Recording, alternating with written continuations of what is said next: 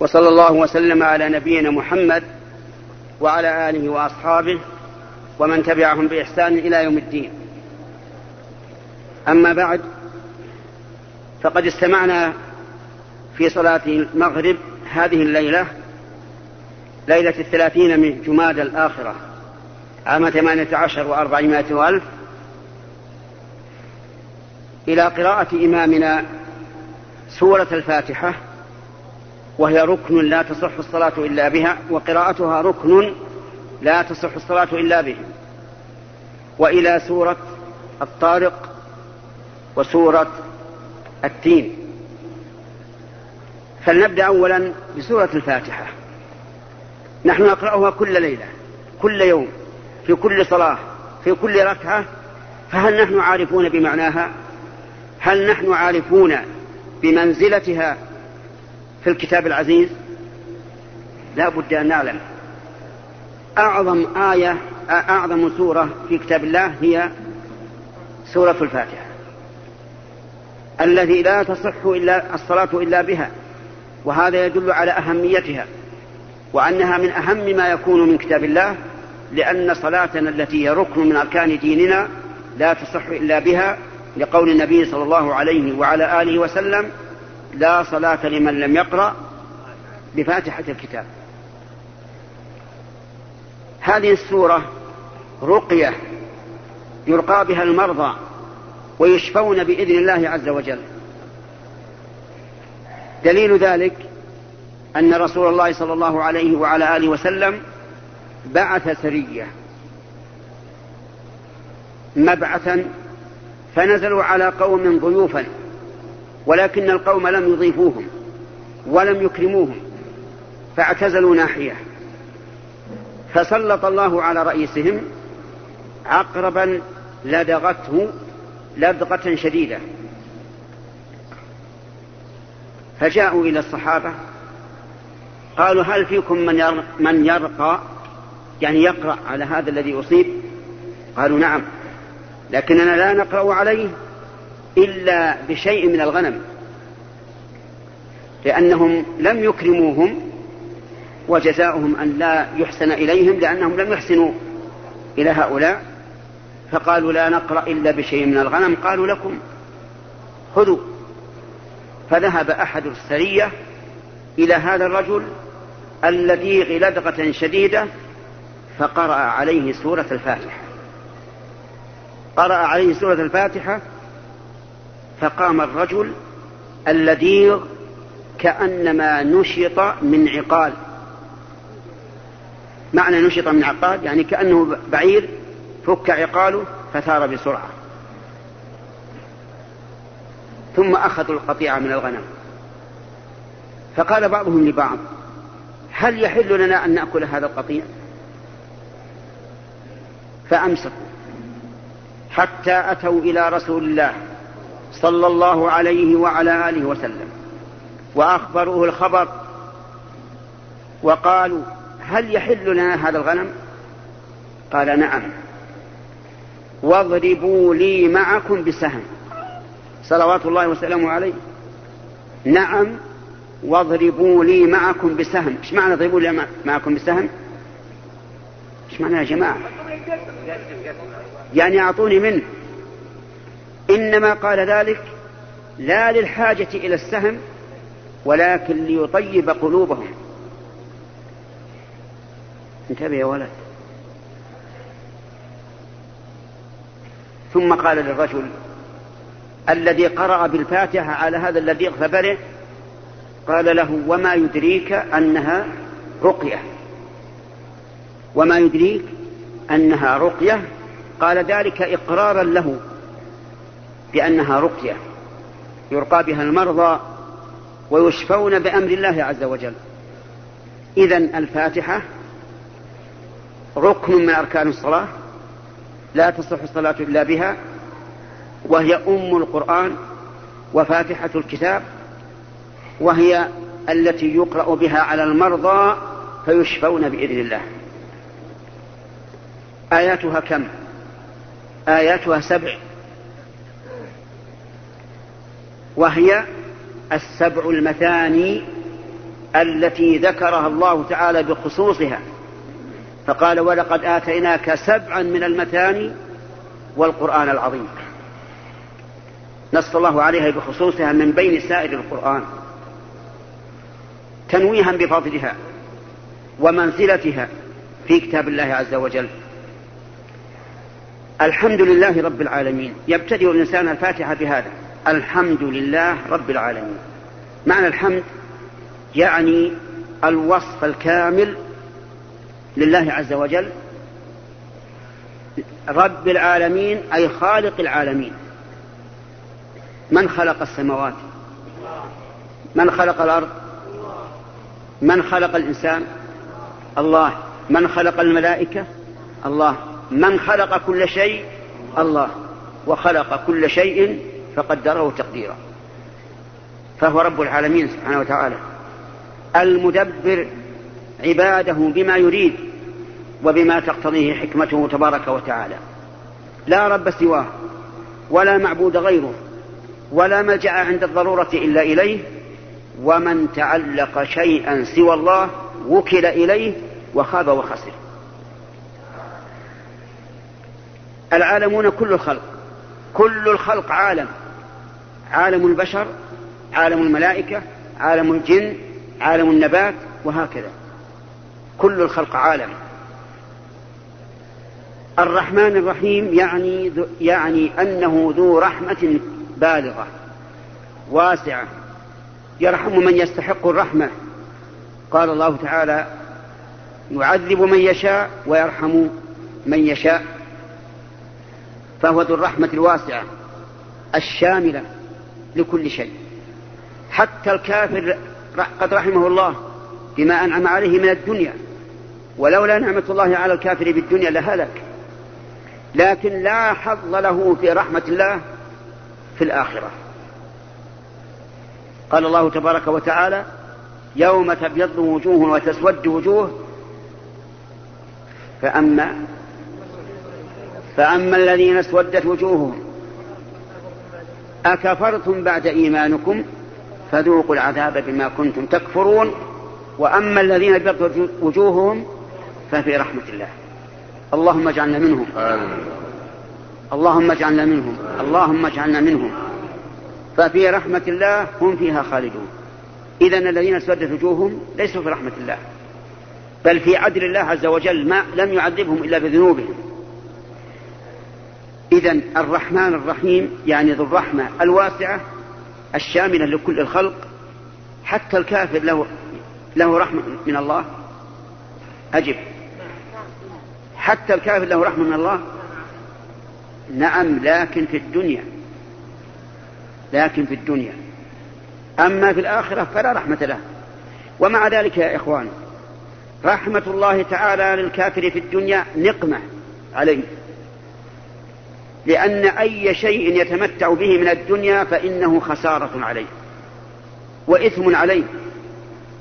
استمع قول الله عز وجل قل من حرم زينة الله التي أخرج لعباده والطيبات من الرزق؟ قل هي للذين آمنوا في الحياة الدنيا خالصة يوم القيامة. أما الذين كفروا فليست لهم. يتمتعون بهذه النعم وهي استدراج من الله تعالى لهم فهي عذاب ونقمة مالك يوم الدين يوم الدين يعني يوم الجزاء وهو يوم القيامة. يوم تجزى كل نفس بما كسبت لا ظلم اليوم. إن الله سريع الحساب. في يوم الدين الله الله مالك. والدنيا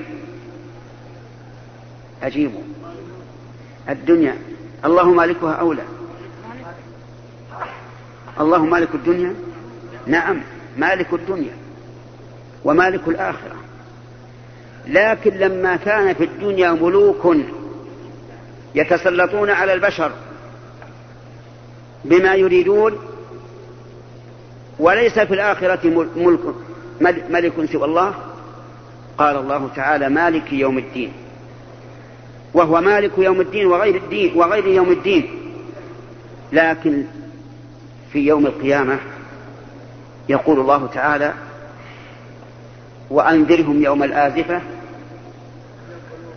إذا القلوب لدى الحناجر كاظمين ما للطالب من حميم ولا شفيع يطاع. إلى أن قال في نعم في آية أخرى يوم هم بارزون. لا يخفى على الله منهم شيء. لمن الملك اليوم؟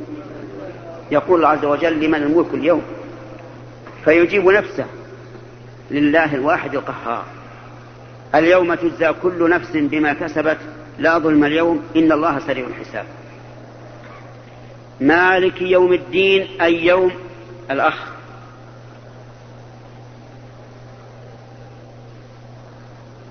يوم الدين وش معناها؟ يوم القيامة لكن الدين هنا بمعنى الجزاء. يعني يوم الجزاء الذي هو يوم القيامة. اسمع. إياك نعبد وإياك نستعين. إياك نعبد بمعنى لا إله إلا الله. وإياك نستعين بمعنى عليك توكلنا. فإياك نعبد يعني لا نعبد إلا إياك. العبادة لا تصلح لغير الله عز وجل. لا لملك مقرب ولا لنبي مرسل. إنما العبادة لمن؟ لله وحده لا شريك له. فمن عبد غير الله فالله غني عنه وهو كافر. حتى لو عبد أفضل البشر والخلق عند الله محمد رسول الله صلى الله عليه وسلم لكان كافرا. فكيف بمن يعبد غير غير الرسول؟ لو عبد وليا فركع له وسجد له ونذر له وتقرب إليه لقلنا إن هذا عجيب يا جماعة. مشرك كافر لا يقبل الله منه صرفا ولا عدلا. لأن العباده لمن؟ لله عز وجل. ولهذا نقول إياك نعبد استحضر يا أخي المسلم إذا قرأت إياك نعبد أن معنى قولك لا نعبد إلا إياك. لا نعبد إلا إياك. وإياك نستعين. أي نطلب العون من الله عز وجل. نطلب العون من الله. فلا نستعين إلا الله. ومن استعان بالله عز وجل كفاه. قال الله تعالى ومن يتوكل على الله فهو حسبه. إن الله بالغ أمره. قد جعل الله لكل شيء قدرا. من يتوكل على الله فهو حسبه. إيش معنى حسبه؟ أي كافيه. إن الله بالغ أمره قد جعل الله لكل شيء قدرا. استعن بالله. لا تستعن بغيره. ولهذا أوصى النبي صلى الله عليه وسلم ابن عمه وهو عبد الله بن عباس فقال له إذا سألت فاسأل الله. وإذا استعنت فاستعن بالله. واعلم أن الأمة لو اجتمعوا على أن ينفعوك بشيء لم ينفعوك إلا بشيء قد كتبه الله لك. ولو اجتمعوا على أن يضروك بشيء لم يضروك إلا بشيء قد كتبه الله عليك. إذا إذا قلت إياك نعبد استحضر بقلبك معنى إيش؟ لا إله إلا الله.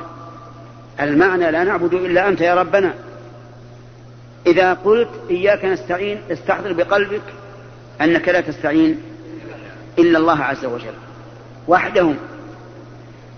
اهدنا الصراط المستقيم. اهدنا لها معنيان. انتبه يا ولد. اهدنا لها معنيان. المعنى الأول الدلالة. والمعنى الثاني التوفيق. المعنى الأول الدلالة وضده الجهل. والمعنى الثاني التوف التوفيق وضده الغي والمخالفة. والناس ينقسمون إلى ثلاثة أقسام. جهال وغواة عندهم علم لكنهم مستكبرون. والثالث علماء مطيعون. الأصناف كم أخ؟ قم. ها. لا. عالمون طغاة. طيب. عالمون عالم عاملون. هذه واحد. والثاني. وجهال وطغاة. طغاة بالغين. يعني أنهم عالمون غير عالمين. عالمون غير عاملين. استرح إذا اهدنا الصراط المستقيم يا إخواني. اهدنا له معنيان لها معنيان. الأول يعني دلنا. نعم دلنا وأرشدنا. لأنه إذا لم يرشدك الله ولم يدلك فأنت جاهل. المعنى الثاني الأخ. التوفيق. تمام. لأن من الناس من عنده علم لكن لم, لم يوفق. لم يعمل. ومن الناس من عنده جاهل يحب الخير لكن لا يعلمون فأنت تسأل الله الهداية في الأمرين. في الدلالة والإرشاد وإيش؟ وفي التوفيق. الصراط المستقيم ما هو الصراط المستقيم؟ المعاني التي قيلت فيه كلها تدور إلى, إلى الإسلام. يعني اهدنا إلى الإسلام لأن الإسلام هو الصراط المستقيم الذي يوصل إلى الله. أما ما سوى الإسلام فهو ينحرف يمينا وشمالا. ثم بين هذا الصراط بقوله صراط الذين أنعمت عليهم غير المغضوب عليهم ولا الضالين. نحن قسمنا الناس إلى ثلاثة أقسام. الآن جاءت الأقسام الثلاثة. صراط صراط الذين أنعمت عليهم. من هم الذين أنعم الله عليهم؟ العالمون العاملون. العالمون العاملون وهم أربعة أصناف. قال الله تعالى ومن يطع الله والرسول فأولئك مع الذين أنعم الله عليهم. هات. من النبيين والصديقين والشهداء والصالحين وحسن أولئك رفيقا. ثنى من الله عز وجل. حسن قال علماء النحو إنها بمعنى ما أحسن. ما أحسن. حسن أولئك رفيقا. اللهم اجعلنا من رفقائهم واجعلنا في الرفيق الأعلى. يا رب العالمين مع الذين أنعمت عليهم من النبيين والصديقين والشهداء والصالحين. غير المغضوب عليهم. بدأ بالمغضوب عليهم لأنهم أشد إثما من الآخرين. لأن المغضوب عليهم ضد الذين أنعم الله عليهم على طول. من من المغضوب عليهم؟ أعطيكم. الذين علموا الحق وخالفوه. هؤلاء هم المغضوب عليهم. الذين علموا الحق وإيه؟ وخالفوه. وعلى وفي مقدمتهم اليهود الطغاة المعتدون الذين اعتدوا على الله وعلى رسل الله. اعتدوا على الله فقالوا إن الله فقير ونحن أغنياء. قاتلكم الله. اعتدوا على الله فقالوا إن يد الله مغلولة بخيل. قاتلهم الله مرتين. اعتدوا على الله وقالوا إنه تعب حين خلق السماوات والأرض واستراح يوم السبت. قاتلهم الله. اعتدوا على الرسل. آذوا موسى. كما قال تعالى يا أيها الذين آمنوا لا تكونوا كالذين آذوا موسى. اعتدوا على الرسل فقالوا إن عيسى بن, عيسى بن مريم إنه ولد بغي. اعتدوا عليه فقتلوه على زعمهم. وقالوا إنا قتلنا المسيح عيسى ابن مريم رسول الله. وما قال الله تعالى مكذبا لهذه الدعوة. وما قتلوه وما صلبوه ولكن شبه لهم. لكن إثم قتله باءوا به. لأنهم أقروا بأنهم قتلوه وصلبوه. فقال الله وما قتلوه وما صلبوه. إذا المغضوب عليهم أيها الإخوة. من هم؟ قل. نعم. من؟ أخطأت. استرح. ولا تأتي بغير هذا. لأنك تبي تتبعها كلها حتى تقف عليها. تفضل.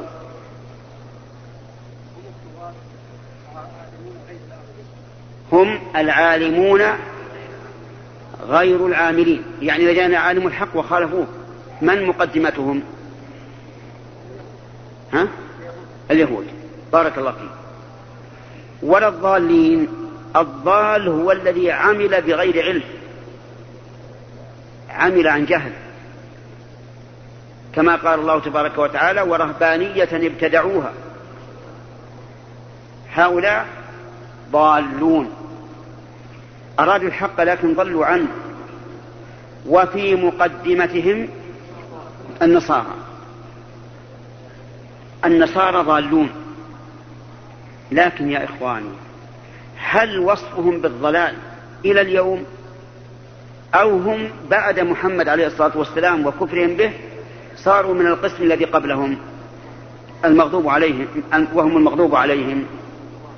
عجيب يا أخوان. سؤال. هل النصارى بقوا ضالين بعد بعثة الرسول عليه الصلاة والسلام وعلمهم به؟ أو إنهم صاروا من القسم الذي قبلهم وهم المغضوب عليهم؟ نعم صاروا من القسم الذي قبلهم وهم المغضوب عليهم.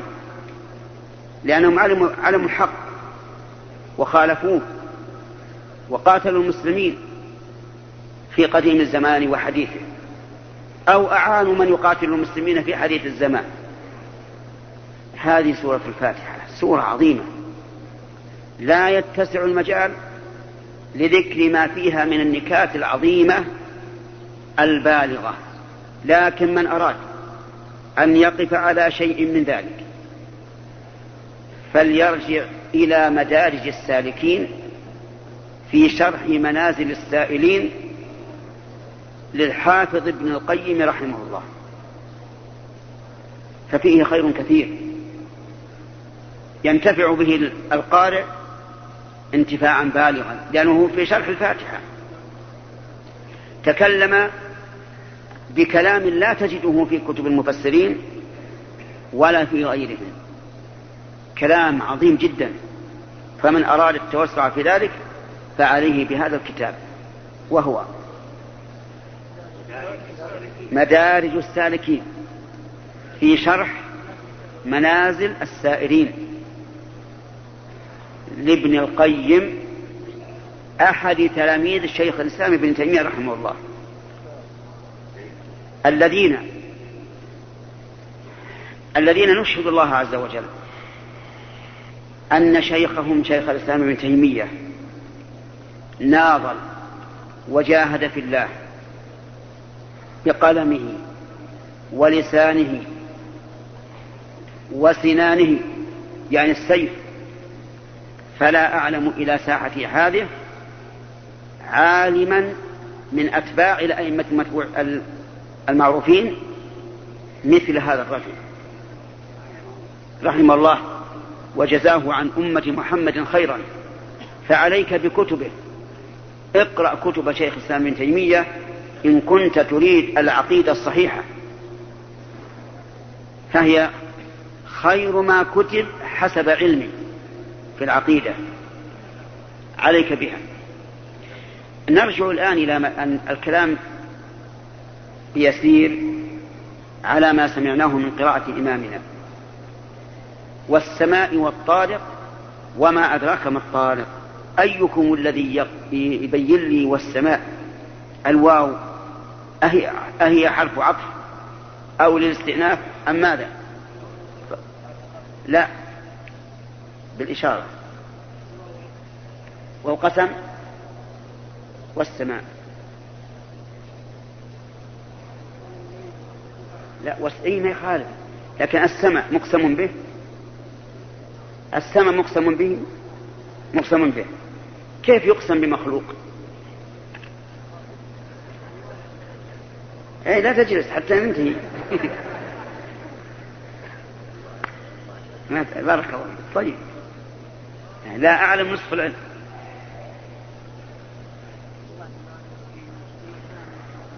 تمام القسم بغير الله شرك. لكنه شرك أصغر. ما لم يعتقد المقسم أن للمقسم به من التعظيم مثل ما لله رب العالمين. القسم بغير الله حرام. ما يجوز تقول والنبي ولا يجوز تقول والكعبة ولا يجوز تقول وجبريل. القسم بمن؟ بالنسبة لنا. ها؟ بالله عز وجل أو بأي اسم من أسمائه أو صفة من صفاته. الله أقسم بالسماء والطارق. فإذا قال قائل كيف يقسم بالسماء؟ وهي مخلوقة. قلنا إن الله يحكم ولا يحكم عليه. أصحيح ما قلت؟ إن الله يحكم ولا يحكم عليه. فهو يقسم بما شاء من خلقه. أقسم بالسماء لما فيها من الآيات العظيمة والطارق بينه الله ما هو الطارق؟ النجم الثاقب. النجم الثاقب الذي يثقب الظلام بضيائه. ولهذا في غير ليالي القمر وفي مكان ليس فيه كهرباء تجد أحيانا نور النجم واصلا إلى الأرض. حتى تجد ظل يدك. فالنجم ثاقب لأنه إيش؟ لأنه يا أخوان يثقب الظلام بضيائه. هذه واحد. ولأنه يثقب أجساد الشياطين التي تسترق السمع من السماء. قال الله تعالى إلا من استرق السمع فأتبعه إيش؟ شهاب ثاقب. إن كل نفس لما عليها حافظ. إن كل نفس لما عليها حافظ. سأسأل من عنده شيء من علم النحو. عن إن وعن لما. من يستعد؟ يا جماعة أنتم عرب. والنحو لإصلاح اللغة العربية. يلا. طيب أنا أقول لو أن لو أنها نزعت إن وجعل بدلها ماء ونزعت لما ووضع بدلها إلا فقيل ما كل نفس إلا عليها حافظ. يستقيم الكلام ولا ما يستقيم؟ ما كل نفس إلا عليها حافظ. هل هذا المعنى ولا غير هذا المعنى؟ هذا المعنى. لكن طبعا نحن لا نغير في القرآن. القرآن يتلى كما كان. إذا إن بدل ما. لما بدل إلا. فتكون إن نافية ولما بمعنى إلا. ومعنى الآية الكريمة ما كل نفس إلا عليها حافظ. كل نفس عليها حافظ. وهذا كقوله تعالى كلا بل تكذبون بالدين وإن عليكم لحافظين كراما كاتبين. وكقوله تعالى ونحن أقرب إليه من حبل الوريد إذ يتلقى المتلقيان عن اليمين وعن الشمال قعيد. كل إنسان عليه حافظ. يحفظ ما يقول وما يفعل وما يكتب له أو عليه. احترز يا أخي. لو كان عندك رجل موكل بأن يحصي عليك ما تقول وما تفعل وكله في ذلك سلطان هل تخشى من مخالفة هذا السلطان؟ أجب يا ولد. نعم. إذا أنت الآن عليك حافظ من الله عز وجل. احذر أن تقول ما لا يرضي الله أو أن تفعل ما يرضي الله. احذر أن تأتي إلى القبر. تقول يا سيدي يا مولاي يا ولي الله أعطني أرزقني أغثني أنا محتاج. احذر هذا. لأن هذا لا يقضي حاجتك. ولا يزيدك من الله إلا بعدا. لو قدر أن حاجتك قضيت في هذا الوقت أي في وقت دعاء صاحب القبر أتظن أن صاحب القبر هو الذي أجابك؟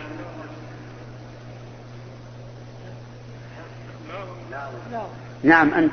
الحمد لله نقول لا. والله لكن يوجد بعض الجهال الذين غرهم الشيطان يقولون هذا من الولي. هذا من الولي. فنقول إن اعتقادكم أن هذا من الولي من إضلال الشيطان. لأن الله لأن الله تعالى يقول في القرآن الكريم قل ادعوا الذين زعمتم من دون الله أي الذين زعمتم زعمتموهم أولياء من دون الله. لا يملكون مثقال ذرة في السماوات ولا في الأرض. هذا واحد. وما لهم فيهما من شرك. هذا اثنين. وما له منهم من ظهير ثلاثة. ولا تنفع الشفاعة عنده إلا لمن أذن له. هذه الآية قطعت أوصال الذين يدعون أن مع الله من ينفع ويضر.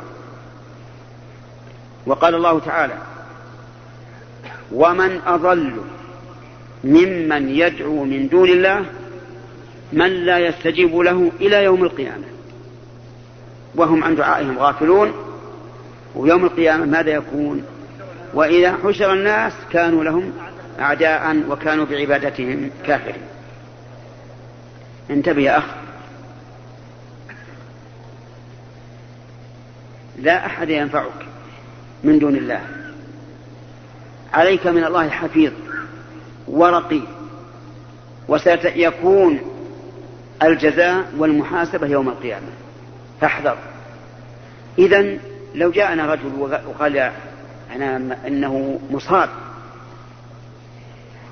ويريد أن يذهب إلى قبر فلان يستغيث به ويستنجد به ماذا نقول له؟ ماذا نقول له يا أخوان؟ نقول هذا حرام. الجأ إلى الله عز وجل.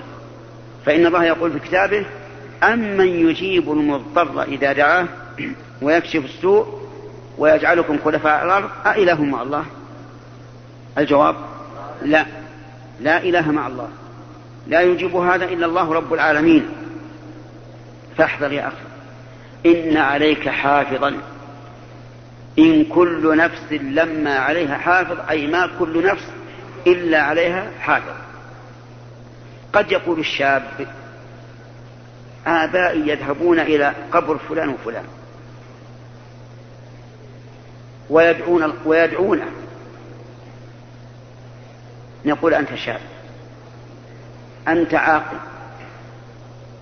أتظن أن هذا الميت الذي أصبح جثة ينفعك أو يضرك؟ خاطب الشباب بالعقل مع المخاطبة بالقرآن والسنة. لكن خاطبه بالعقل ليتبين أن هؤلاء الذين يدعون الله الذين يدعون غير الله أنهم ضلال في دينهم سفهاء في أحلامهم وعقولهم. حتى لو وجدت آباءك وأجدادك وأمهاتك وجداتك على هذا فاعلم أنه خطأ. و... واعبد من؟ أعبد الله. استغث بالله. ألم ترى أن النبي عليه الصلاة والسلام وأصحابه في بدر استغاثوا بالله. قال الله تعالى إذ تستغيثون ربكم فاستجاب لكم أني ممدكم بألف من الملائكة مردفين. إذا كان الرسول عليه الصلاة والسلام محمد رسول الله يستغيث بالله فكيف أنت تستغيث بمن دون الرسول بمراحل؟ احذر هذا. إنك ستجد في بعض البلاد الإسلامية من يستغيث بالأولياء ويستعين بالأولياء وربما تقضى حاجتهم لكن لا بدعاء هؤلاء الأولياء ولكن عند دعائهم وفرق بين أن يحصل الشيء بالشيء أو أن يحصل الشيء إيش؟ عند الشيء. والله تعالى قد يبتلي فيعطى هذا الإنسان سؤله عند دعائه لغير الله فتنة له. إن كل نفس لما عليها حافظ فلينظر الإنسان مما خلق. فلينظر ألف عاطفة. واللام لام الأمر فلينظر الإنسان مما خلق. من أين مما خلقت؟ عجيب. خلق من ماء دافق. الجواب من الله. خلق من ماء دافق يخرج من بين الصلب والتراب. سبحان القادر عز وجل. هذا الماء الدافق المهين يخلق منه الإنسان الخصم المبين. قال الله تعالى أولم يرى الإنسان أنا خلقناه من نطفة فإذا هو خصيم مبين. خلقت من الماء الدافق من ماء دافق يخرج من بين الصلب والترائب. إنه على رجعه لقادر. إنه من؟ الله. على رجعه أي على رجع هذا الإنسان. يوم القيامة لقادر. الذي خلقه أول مرة قادر على أن يعيده مرة أخرى مرة أخرى كما قال الله تعالى وهو الذي يبدأ الخلق ثم يعيده وهو أهون عليه. إنه على رجعه لقادر. متى؟ يوم تبلى السرائر. وذلك يوم القيامة. ومعنى تبلى أي تختبر السرائر القلوب. اللهم طهر سرائرنا. آمين. اللهم طهر سرائرنا. آمين. اللهم طهر سرائرنا. آمين. وأمتنا على خير ما يرضيك عنا يا رب العالمين. آمين يوم تبلى السرائر. يوم القيامة لا يسأل الناس عن أعمالهم الظاهرة. لأن من الناس من يعمل عملا ظاهر ظاهرا أحسن ما يكون لكن قلبه خراب. ألم تروا إلى المنافقين؟ يقول الله فيهم إذا رأيتهم تعجبك أجسامهم. منظر حلو شكل جميل. وإن يقولوا تسمع لقولهم. فصاحة فصاحة وبيان. ولكن لا خير فيهم كأنهم خشب مسندة يحسبون كل صيحة عليهم هم العدو فاحذرهم. فيوم القيامة فيوم القيامة الحساب على ما في الصدور. كما قال تعالى أفلا يعلم إذا بعثر ما في القبور وحصل ما في الصدور. يوم تبلى السرائر فما له فما له من قوة ولا ناصر. فما له من الضمير يعود على من على الإنسان. من قوة ولا ناصر. يعني هو بنفسه ليس بقوي. فليس عنده قدرة ذاتية. ولا ناصر لا يجد من ينصره. انتبه لهذه الحقيقة. يوم القيامة يبتلى القلب. يوم القيامة ما في قوة تدافع. يوم القيامة ما حد ينصرك. هذا شيء يسير مما يسره الله عز وجل من الكلام على هذه السورة. وإنني أحث إخواننا ولا سيما الشباب طلاب العلم على تدبر كلام الله عز وجل وتفهم معانيه وتعاهده وأن يعلموا أن القرآن نزل ليتدبروا آياته وإيش؟ وليتذكر أولو الألباب. أسأل الله تعالى أن يجعلني وإياكم ممن يتلونه حق تلاوته وممن يهتدون به إلى الله عز وجل وإلى جنته وأن يجعله حجة لنا لا حجة علينا إنه على كل شيء قدير. والحمد لله رب العالمين وصلى الله وسلم على نبينا محمد وعلى آله وصحبه أجمعين. والآن إلى الأسئلة حتى يؤذن لصلاة العشاء.